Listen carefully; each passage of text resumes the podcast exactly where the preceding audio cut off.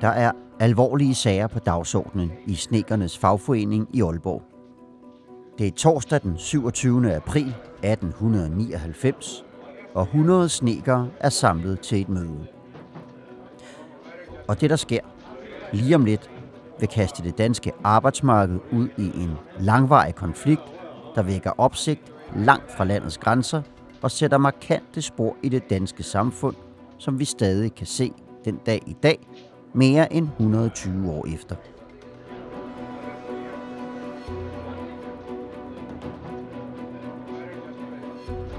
De jyske snekere har strækket i en måned.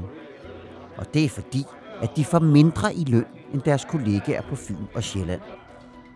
Og den her aften, der skal snekerne stemme om en overenskomstaftale, hvor lønnen i Jylland stadig vil være lavere end på Sjælland og Fyn. Det er en rigtig lorteaftale, synes de. Men ledere for deres eget fagforbund prøver at lokke dem til at stemme ja. Det forklarer historiker Lars K. Christensen. Snekerforbundet er bange, fordi øh, de har ikke lyst til at blive øh, rodet ud, altså ledelsen i Snekerforbundet har ikke lyst til at blive rodet ud i en landsdækkende konflikt. Øh, og den nystiftede landsorganisation, de samvirkende fagforbund, er også nervøse for, at det bliver til landsdækkende konflikt. Så de lægger pres på snekerne for at vedtage den her øh, overenskomst. Men snekerne, de jyske sneker, de siger, gud vil vi da ej øh, arbejde til en lavere løn end dem på Sjælland. Du har nok gættet det. Snekerne siger nej, og så er fanden løs i Laksegade. Jeg hedder Morten Olsen, og du lytter til en særudgave af Arbejde Arbejde, der handler om septemberforliget. For snekernes nej sætter gang i en konflikt, der slutter med et forlig fire måneder senere. Det er en aftale, der bliver kaldt arbejdsmarkedets grundlov, og den får kæmpe betydning for det danske samfund og de rettigheder og det arbejdsmarked, vi har i dag.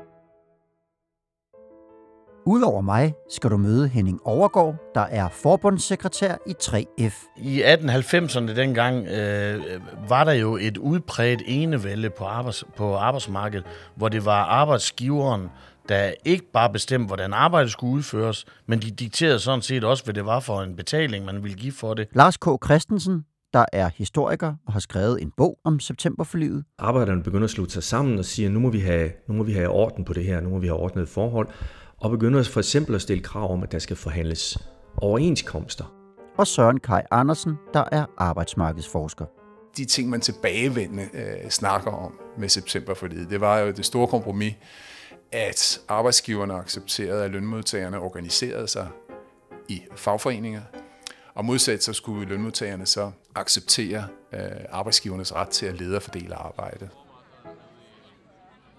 Snekernes nej i Aalborg giver hurtigt genlyd i resten af landet. Især i København, der på det her tidspunkt er en by i rivende udvikling. Har bor omkring en halv million mennesker, og indbyggertallet vokser med ca. 10.000 om året. Folk strømmer til byen for at få arbejde. I gadebilledet kan du se mange små håndværkere, høre lyden fra fabrikkerne, den hestetrukne sporvogn og stadeholderne, der råber dagens tilbud ud fra deres boder på byens pladser. Men arbejdsmarkedet, det er en værre rodebutik med lokale konflikter i et væk, hvor fagforeninger, der bliver stærkere og stærkere, udfordrer arbejdsgiverne. Det fortæller Lars K. Christensen. Det er alle mulige øh, typer af konflikter, kan man sige, som, handl- som kan handle om mange forskellige slags ting. Altså man kan se konflikter, der opstår, fordi arbejderne de kræver at få nogle kasser at sidde på, mens de holder pause, øh, så de ikke skal stå op hele dagen. Det kan være konflikter om retten til at gå ud og tisse. Øhm, altså sådan nogle helt øh, i gåseøjne banale ting, men som selvfølgelig har en, en stor betydning i en, i, en, i en arbejdsdag, der kan være 10-12 timer lang. Ikke? Og så helt op til de sådan principielle ting, retten til at organisere sig, eller retten til at forhandle om løn- og arbejdsvilkår, øh, og få en, øh, en skriftlig overenskomst. På et lille kontor i Brolæggerstræde i København sidder Jens Jensen. Han er formand for det, der hedder DSF. Det er en helt ny sammenslutning af fagforeninger i Danmark. Det er det, vi i dag kender som fagbevægelsens hovedorganisation. Jens Jensen han er langt fra begejstret for, at snekerne i Aalborg og flere andre jyske byer har stemt nej til overenskomsten. Det betyder, at aftalen for hele landet falder til jorden, og dermed mere uro på arbejdspladserne. Jens Jensen vil inderligt gerne gøre fagforbundene til en ligemand, som arbejdsgiverne lytter til og laver aftaler med. Men det er godt nok svært, når en stor aftale som den her falder til jorden. I forvejen er der mange arbejdsgivere, der helst ser fagbevægelsen både død og begravet. Når vi snakker arbejdsgivere, kan man sige, så er der, altså, så er der sådan lidt, øh, kort fortalt, så er der lidt to yderfløje. Den ene yderfløj er dem, som, øh, og de findes, øh, mange af dem findes i jernindustrien, som egentlig havde som udgangspunkt, at øh, fagforeningerne de skulle simpelthen øh, bekæmpes til sidste blodstråbe. Altså fagforeninger var noget ugræs, der var født ind under, over hegnet. Øh, det var et spøgelse, der var kommet til os ud fra Europa, og det skulle bekæmpes, øh, fordi at øh, virksomheden, det er arbejdsgiverens, og det er arbejdsgiveren, der bestemmer. Det er dog ikke alle arbejdsgivere, der deler den holdning. På Gammel Strand, cirka 500 meter fra Jens Jensen, der sidder Niels Andersen. Han er formand for Dansk Arbejdsgiver- og Mesterforening, og han tror, fagforeningerne er kommet for at blive. Så han vil gerne lave aftaler med fagbevægelsen, så han kan få rene linjer og ordnede forhold på arbejdsmarkedet uden de evindelige konflikter. Men Niels Andersen er frustreret. For hvad nytter det, at arbejdsgiverne deltager i lange forhandlinger og nedfælder detaljerede aftaler med fagforeningerne, hvis der alligevel er nogle få jyske snekere, der kan ødelægge det hele til sidst. Snekerne, de ender faktisk med at stemme ja i starten af maj. Men der er det for sent.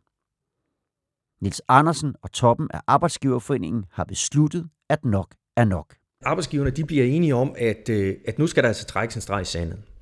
Og, øh, og den her øh, i virkeligheden relativt ubetydelige øh, konf- jyske snekerkonflikt, den bliver så anledning til at erklære general lockout. Arbejdsgiverne de vedtager en de vedtager det der kommer til at hedde de otte punkter. Det er otte krav, som de vil have opfyldt, og dem vil de have DSF, altså de samvirkende fagforbund, til at, at skrive under på i den form, de forelægger.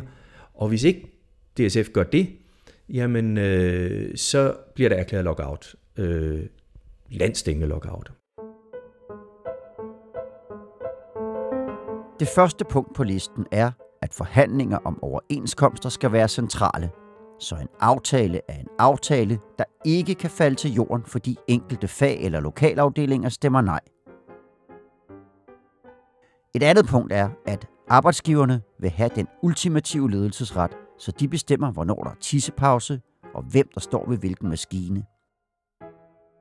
Ikke flere tåbelige småkonflikter, der sætter arbejdet i stå i tide og utide.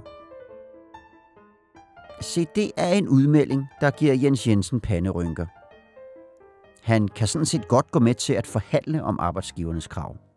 Men han kan umuligt godtage dem, som de er formuleret af arbejdsgiverne selv. En anden ting er, at der ikke er råd til en langvarig konflikt. Så man begynder ligesom at, øh, at forberede sig på, at, at nu bliver der konflikt. Og de forberedelser, de går jo selvfølgelig ud på, at man skal øh, finde ud af, hvordan sikrer vi øh, sammenholdet internt i organisationen eller i de forskellige fagforeninger. Og først og fremmest, hvad skal de mennesker leve af, der bliver, nu bliver kastet ud i lockout? Så man begynder for eksempel at organisere øh, indsamlingsarbejde, så man kan understøtte øh, de mennesker, der bliver lockoutet. Fordi altså på det her tidspunkt, øh, så, så betyder en konflikt, det at blive kastet ud i konflikt, det betyder jo som udgangspunkt ingen indtægt. Men konflikten, den kommer. For den 19. maj holder Arbejdsgiver- og Mesterforeningen ekstraordinær generalforsamling. Nogle er lodret imod fagforeninger, andre er ikke, men de er alle enige om, at der skal statueres et eksempel, så de kan få stikket fagforeningernes magt og få ro på bagsmækken. Lockouten bliver endelig vedtaget og fejret med en middag. Og så går de ellers øh, til festmiddagen bagefter øh, og, og skåler og holder taler om, at øh, nu er det på tide, at øh, nu skal vi slå fast, at det er arbejdsgiveren, der bestemmer i eget hus. Øh, Så, så der er næsten en feststemning øh, blandt arbejdsgiverne. 24. maj vågner københavnerne op til en stille by. Jern- og stålindustrien ligger stort set stille. Der er ingen larm af hammer og sæv fra byggepladserne. De hestevognstrukne sporvogne, de kører lidt endnu, men med tiden vil de også gå i stå, da der ikke er nogen til at skifte deres sko. Det er lyden af København sommeren 1899, men det er også lyden af flere andre store byer. For lockouten rammer hele landet. Omkring 30.000 arbejdere er sendt hjem, og det som fagbevægelsen døber sultekrigen er i gang. Hvis arbejderne skal vinde krigen, så er én ting altafgørende. Det er at få brød på bordet til de mange arbejdere, der nu står uden indtægt, fortæller Lars K. Christensen.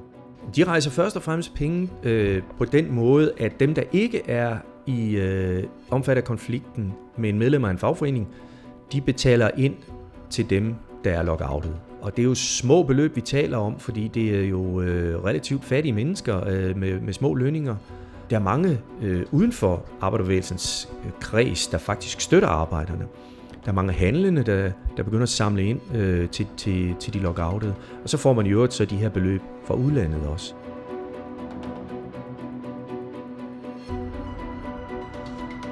Ja, støtten kommer også fra udlandet. For i rigtig mange lande oplever man det samme som i Danmark. Industrialiseringen skaber nye arbejderklasser i de store byer, og det giver konflikter, der ligner dem i Danmark. Så mange steder ser man den danske konflikt som en principiel kamp. Og det er måske en lille smule overdrevet, men det bliver opfattet som en konflikt om retten til overhovedet at have fagforeninger, organisere sig, forhandle om sine løn- og arbejdsvilkår. Så det strømmer ind både med solidaritetserklæringer, men faktisk også med penge. Der bliver samlet penge ind, der bliver holdt støttearrangementer rundt omkring, altså helt fra, fra Kapstaden i Sydafrika til Grønland har man eksempler på, at der bliver holdt støttearrangementer. I New York bliver der holdt en stor fest for de lockoutede danske arbejdere, der bliver samlet. I USA bliver der faktisk samlet rigtig mange penge ind. Og det giver jo både, det giver både nu de her penge, som man har brug for, men det giver også en sådan moralsk opbakning. På kontoret i Rømersgade sidder kasserer Emanuel Svensen og holder nøjagtigt regnskab med de indsamlede penge. Og efterhånden, som han får regnet det hele sammen og skriblet det ned i sin lille regnskabsbog, så kan han konstatere, at der er samlet 2.814.376 kroner og 63 øre ind i Danmark. Dertil kommer i omegnen af 680.000 kroner fra udlandet. Omregnet til 2020 kroner svarer det til omkring 200 millioner kroner i alt. Nogle arbejdere rejser til udlandet for at se, om de kan få hyre, i stedet for at leve af almisser herhjemme. Men det er svært. Rigtig mange af dem, der er lockout i de store byer, de forsøger at finde noget andet at lave. Det kan fx være, at man tager ud på landet, eller man tager til en mindre by, hvor arbejdsgiveren de ikke tager det så nøje med det her lockout-pjat. Øh, eller måske tager man til udlandet. Altså der er mange, der tager til Tyskland og forsøger sig der. Der har man så det problem, at øh, der er jo også solidaritet på arbejdsgiversiden. Så i Nordtyskland, øh, der er det meget, meget svært som lockoutet dansk arbejder at få arbejde, fordi arbejdsgiverne de vil ikke ansætte øh, de lockoutede danskere. Men kommer man længere ned i, i Sydtyskland, jamen så kan man øh, måske få arbejde dernede, og det er der en hel del, der gør. Men derudover, så bliver der lavet folkekøkkener øh, for dem, der ikke kan få brød på bordet. Der bliver jo færre mænd i byen, og kvinderne har travlt med at, at, at forsøge at få enderne til at nå sammen. Måske ved selv at være ude øh, og arbejde med et eller andet, øh, vaske trapper, eller hvad det nu er. Og så er børnene overladt til sig selv, så der er rigtig mange børn, der simpelthen strejfer omkring. Så er de måske ude at samle kul på baneterrænet, eller ude og se, om de kan finde nogle gamle klude, eller små lidt, eller et eller andet, for simpelthen at få, øh, at få lidt penge i kassen. Ikke? Øh, så, så det er en mærkelig stemning, der er, især i København, men også i de andre større byer. Hen over sommeren falder adskillige forsøg på forhandlinger og meldinger til jorden. Arbejdsgiverne og arbejderne nærmer sig ikke hinanden med en centimeter. Og sultekrigen er nu også blevet til en mental udmattelseskamp for de to hovedpersoner, Jens Jensen og Nils Andersen. De kæmper mod hinanden, Og så kæmper de hver især internt mod personer, der synes, at deres linje er for blødsøden. I et brev hjem til sin kone klager Jens Jensen sin nød. På det tidspunkt, der kunne man jo, der kunne man jo skrive et brev, og så nå det frem samme dag. Så Jens Jensen, han er nærmest, øh, han er jo flyttet ind øh, på sit, øh, på sit lille hummer et kontor der i Brolæggerstræde, øh, og han skriver nogle, øh, nogle breve til sin kone, øh, som sidder hjemme i privaten og ikke har set ham i dagevis og skriver om, øh, jamen du skal, du skulle bare vide, hvor ond en stemning der er her, og det er, det er ikke til at holde ud, men vi bliver nødt til at blive ved med at forhandle og sådan noget. Men til sidst, så bryder han faktisk sammen, og det samme gælder egentlig Andersen på arbejdsgiversiden. Begge to er ude af forhandlingerne i en periode og på rekreation, fordi det er simpelthen, altså det, det, det har taget så hårdt på dem. Ikke?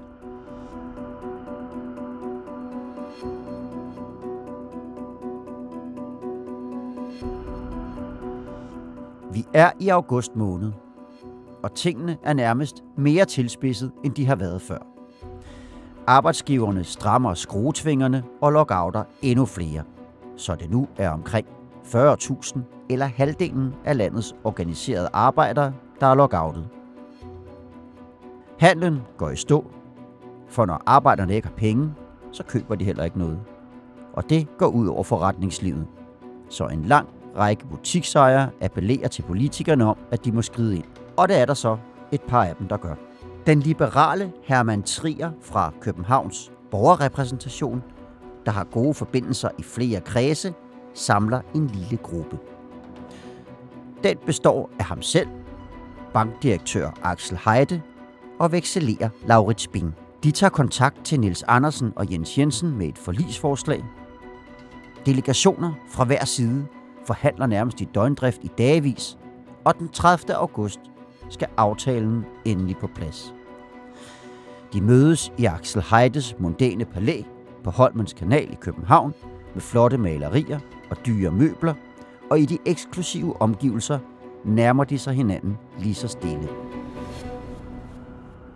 Men pludselig går noget i hårdknude, og de går hver til sit.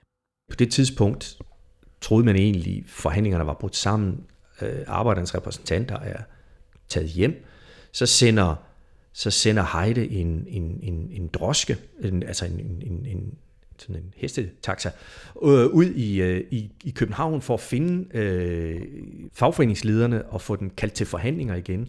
Det lykkes at få banket dem op, og de bliver så kørt tilbage øh, til Heide. På det tidspunkt har Heide så egentlig opgivet at selv gå i seng, og så står fagforeningslederne nede i porten til Heides fornemme øh, lejlighed og banker på og hiver i klokken, og Heide står op og tager sin natskjorte og sine tøfler på og en regnfrakke over og går ned og åbner ned porten for de her fagforeningsledere og inviterer dem op i sin fine lejlighed. Og så sidder de ellers deroppe midt om natten og forhandler færdig med, med, med Heidi i natskjorte. Ikke? Og, og det lykkes, det lykkes til sidst så at få et forlig, som begge parter kan acceptere.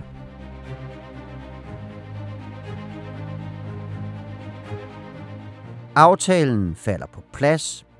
Sultekrigen er forbi efter godt 100 dage. Og mændene kan vende tilbage til byen og deres arbejde, og jublen kan bryde løs i hele landet. I dag kan man jo sammenligne det med, hvis man havde vundet EM i øh, fodbold eller et eller andet. øh, selvom det næsten er lidt blas, en lidt blasfemisk sammenligning, fordi det galt jo i, i lidt højere grad, øh, ja næsten bogstaveligt liv og død. Måske ikke liv og død, men så i hvert fald brød på bordet. Øh, der sker jo det, at altså allerede der, der kommer nys om, at nu er man ved at blive enige, så, så bliver der jo, så strømmer folk ud på gaderne, der bliver op, der er nogen, der laver sådan nogle spontane optog. Der er sådan en af de, de lidt mere morbide indslag, det er, at, at der bliver trukket en vogn igennem Københavns gader, hvor man ser hvor man ser øh, repræsentanter, øh, dukker, der skal forestille repræsentanter for Arbejdsgiverforeningen, der sidder nede i kister. Øh, men, men sådan på den lidt mere glade front, jamen så bliver der jo øh, om aften øh, i København øh, rundt omkring, hvor der er der er flere folkets huse i København, og nogle af dem har haver til og sådan noget, blandt andet ude på Vesterbro. Der bliver holdt, det er sådan en lun eftersommeraften, øh, og der bliver holdt fest og musik og tale og dans og sådan noget. Får man lynhurtigt stablet på benene og kulørte lamper. Og hvad er det så, de er blevet enige om? Jo, altså, lang historie kort, så holder arbejdsgiverne fast i retten til at lede og fordele arbejdet, men ikke så ultimativt, som de lagde op til i deres otte punkter. Til gengæld så bliver fagforbundene anerkendt som en partner, der skal forhandles med om løn og arbejdsvilkår. Og arbejderne får ret til at være medlem af en fagforening. Der kommer helt klare regler for, hvornår og hvordan man handler overenskomst, og aftalerne bliver mere centraliseret, som arbejdsgiverne ønskede det. Hver side bliver udstyret med et konfliktvåben. Arbejdsgiverne kan lockoute, og arbejderne kan strejke. Men der er også klare regler for, hvornår man må bruge det våben, så ikke der opstår konflikter hver anden dag, som man oplevede tidligere. Og når man tænker på, at kalenderen viser 1899, så er det her en meget progressiv aftale. Det her er formentlig, formentlig siger jeg, fordi øh, det er svært at, at undersøge sådan noget helt ned i detaljen, men jeg kender ikke til nogen national aftale af tilsvarende karakter i noget land på det her tidspunkt. Altså, der er ikke noget andet land, meget bekendt, hvor man har indgået en national aftale mellem arbejdsgiver og, og, og, og, og lønmodtagere og fagforeninger om gensidigt at anerkende hinanden, og om at forhandle om løn- og arbejdsvilkår. Altså for eksempel i Sverige, som vi jo tit sammenligner os med, der skal vi helt frem til slutningen af 30'erne, 1930'erne, før man får en tilsvarende aftale. Så det er, også i et europæisk sammenhæng, er det faktisk noget af et, et, øh, et særsyn og et gennembrud, øh, den, det her forlig. I 1910 opretter man det, der i dag hedder arbejdsretten, så man har en form for myndighed til at løse eventuelle tvister på arbejdsmarkedet. Septemberforliget har altså fået sin egen domstol og kan ikke længere betragtes som en døgnflue. I 1960 bliver septemberforliget afløst af hovedaftalen. Men de grundlæggende principper i hovedaftalen og den måde, vores arbejdsmarked er skruet sammen på, dem kan man stadig spore helt tilbage til den lidt rodet aftale, der blev forhandlet på plads i en sen nattetime i 1899. Dengang vurderede mange, at arbejdsgiverne fik mest ud af aftalen. Men historien har vist noget andet, mener en af dem, der selv sidder og forhandler overenskomster i dag. Det er Henning Overgaard, der er faglig sekretær i 3F. Jamen, jeg synes ikke, man kan være i tvivl i dag om, altså det, det synes jeg, historien har vist, at det har været en sejr med september for for alle parter. Øh, jeg har øh, selvfølgelig også læst på min historie, og, og nogen opfatter øh, september for dengang som en større sejr for arbejdsgiverne, end det var for arbejderne. Men, øh, men det her med, at vi har haft en så fredskabende arbejdsmarkedsmodel, der har sat sin, sit præg på hele den kultur, vi har i det danske demokratisamfund, det synes jeg ikke, man kan være i tvivl om, at det har været en sejr. Det der med, at vi som arbejder fik retten til at organiseres, det var en kæmpe sejr dengang. Og hvad kan man så bruge den her aftale til nu om dage? Ja, vi kan jo tage Henning Overgaard som eksempel. Han stifter første gang bekendtskab med den danske arbejdsmarkedsmodel en gang i 1980'erne, da en arbejdsgiver beder ham om at klæde sig ud som en ostehaps. Jeg arbejdede hos en købmand, hvor, øh, hvor, øh, hvor de, de fik en sygemelding på en, der skulle gå i sådan noget udstyr. Jeg tror, det var sådan en, en øh, de der øh, oste, man deler ud til børnene, ostehaps, og så ville de have mig til at gå ind i den der varme udklædning. Men se, nu har Henning prøvet at være klædt ud som ostehaps før. Og det synes han bestemt ikke er morsomt. Så han forhandler. Der forlangte jeg så at få dobbelt timeløn øh, for det. Øh, det ville de ikke give mig, men så sagde jeg, så kan I jo bare vente til han bliver rask ham der, der skal komme og gå i det der udstyr. Øh, så det endte med, at jeg fik dobbelt timeløn, øh, så, så, så det krævede jeg ret tidligt. Og da jeg kom hjem og fortalte min far om det her, så fortalte min far, jamen nu skal du høre, der er altså nogle ting, der hænger sammen sådan, fordi vi har nogle rettigheder på arbejdsmarkedet. Så på den måde får jeg jo også hjemmefra mit, øh, mit første kendskab til, hvordan øh, den danske arbejdsmarkedsmodel og septemberlids øh, tilkommen den er, den er blevet. Senere får Henning Overgaard sit første voksenjob og oplever arbejdsgiver der rent faktisk lytter til ham og kollegerne. Når jeg tænker tilbage på mit, altså mit, eget, altså mit eget arbejdsliv, ikke? Altså, jeg startede som 12-13-årig med at rende ud med de første aviser, øh, så jeg arbejder som avisbud, så jeg har haft andet budarbejde, jeg har arbejdet ved købmanden, og alle de der jobs, jeg godt nok som ung menneske har haft, frem til at rammer min 18-års fødselsdag. Når jeg tænker tilbage på det, så var det ikke sådan, jeg synes, jeg havde indflydelse på noget af det jeg blev ikke spurgt. Der var ikke nogen, der sagde til mig, Henning, du skal lave det her arbejde, det har du ansvar for. Nej. Da jeg så kom efter min 18-års fødselsdag og blev ansat på, øh, på Frysehuset i Esbjerg, øh, fik jeg jo et positivt chok nærmest. Her trådte jeg ind på en arbejdsplads, hvor der var en faglig klub, øh, arbejderne var organiseret, det var godt nok øh, direktionen øh, og ledelsen på virksomheden, der ledte og fordelte arbejdet, men de traf aldrig nogen øh, Øh, revolutionerende store beslutninger, uden de havde været i dialog med den faglige klub og altså de ansatte på arbejdspladsen. Og det var virkelig sådan, øh, for mig var det, wow, det er fedt at være her. Altså, og jeg blev simpelthen så glad for det der arbejde på Fryshuset, på trods af, at det var, det var sindssygt hårdt og nedslidende. Og den gensidige respekt, som Henning overgår møder i Frysehuset i Esbjerg, er måske årsagen til, at principperne fra den første aftale i høj grad lever stadig. Det forklarer Søren Kai Andersen, der er arbejdsmarkedsforsker og centerleder på FAERS på Københavns Universitet. Altså noget af det, vi faktisk taler om, øh, sådan helt tilbage til udgangspunktet i i septemberforliget, det er jo, at der er et konsensusprincip, forstået således, at øh, man anerkender, at man har modsatrettede interesser. Altså, der er nogle ting her, hvor vi egentlig ikke bliver enige, fordi øh, vi, altså, som lønmodtager, vi skulle gerne have højere løn, øh, mere fritid osv., men du vil som arbejdsgiver hellere give os lavere løn, og i øvrigt få os til at arbejde noget mere. Øh, det anerkender man, at der er de her grundlæggende modsætninger. Og når man har gjort det, øh, jamen så kan det også give sådan lidt mere, hvad skal vi sige, ren snak omkring, okay, hvad kan vi så dog blive enige om, når det er sådan. Ikke? Så altså den der konsensus og øh, tillid til, at man øh, søger løsninger, betyder nok rigtig, rigtig meget. Fagforeninger og arbejdsgivere bliver så glade for at forhandle med hinanden, at der opstår et system, hvor der er meget få ting på det danske arbejdsmarked, som politikerne får lov at blande sig i. For nogle år siden viste en undersøgelse fra Verdensbanken, at Danmarks arbejdsmarkedslovgivning er nogenlunde lige så omfattende som Papua Ny Guineas. Med andre ord, så fylder den ikke særlig meget. Men det er simpelthen fordi, vi laver aftaler mellem arbejdsmarkedets parter i stedet for love. Og i 1990'erne, der får den her måde at gøre tingene på faktisk sit helt eget navn. Ja, man kan sige, det er jo, det er jo mest en talemåde. Uh, og jeg tror også, at det her sted, hvor jeg nu er leder, øh, har bidraget til det, uh, ved at uh, Jesper Due og Jørgen Sten Madsen uh, tilbage i 1993 skrev bogen Den Danske Model. Og deres vej ind i det var jo i høj grad en erkendelse af, og det var jo også inspireret af blandt andet en amerikansk forsker, som havde kigget på det danske arbejdsmarked øh, endnu før dem, og som havde bemærket, at der var en række karakteristika, som var særlige her. Der var en særlig måde, det foregik på.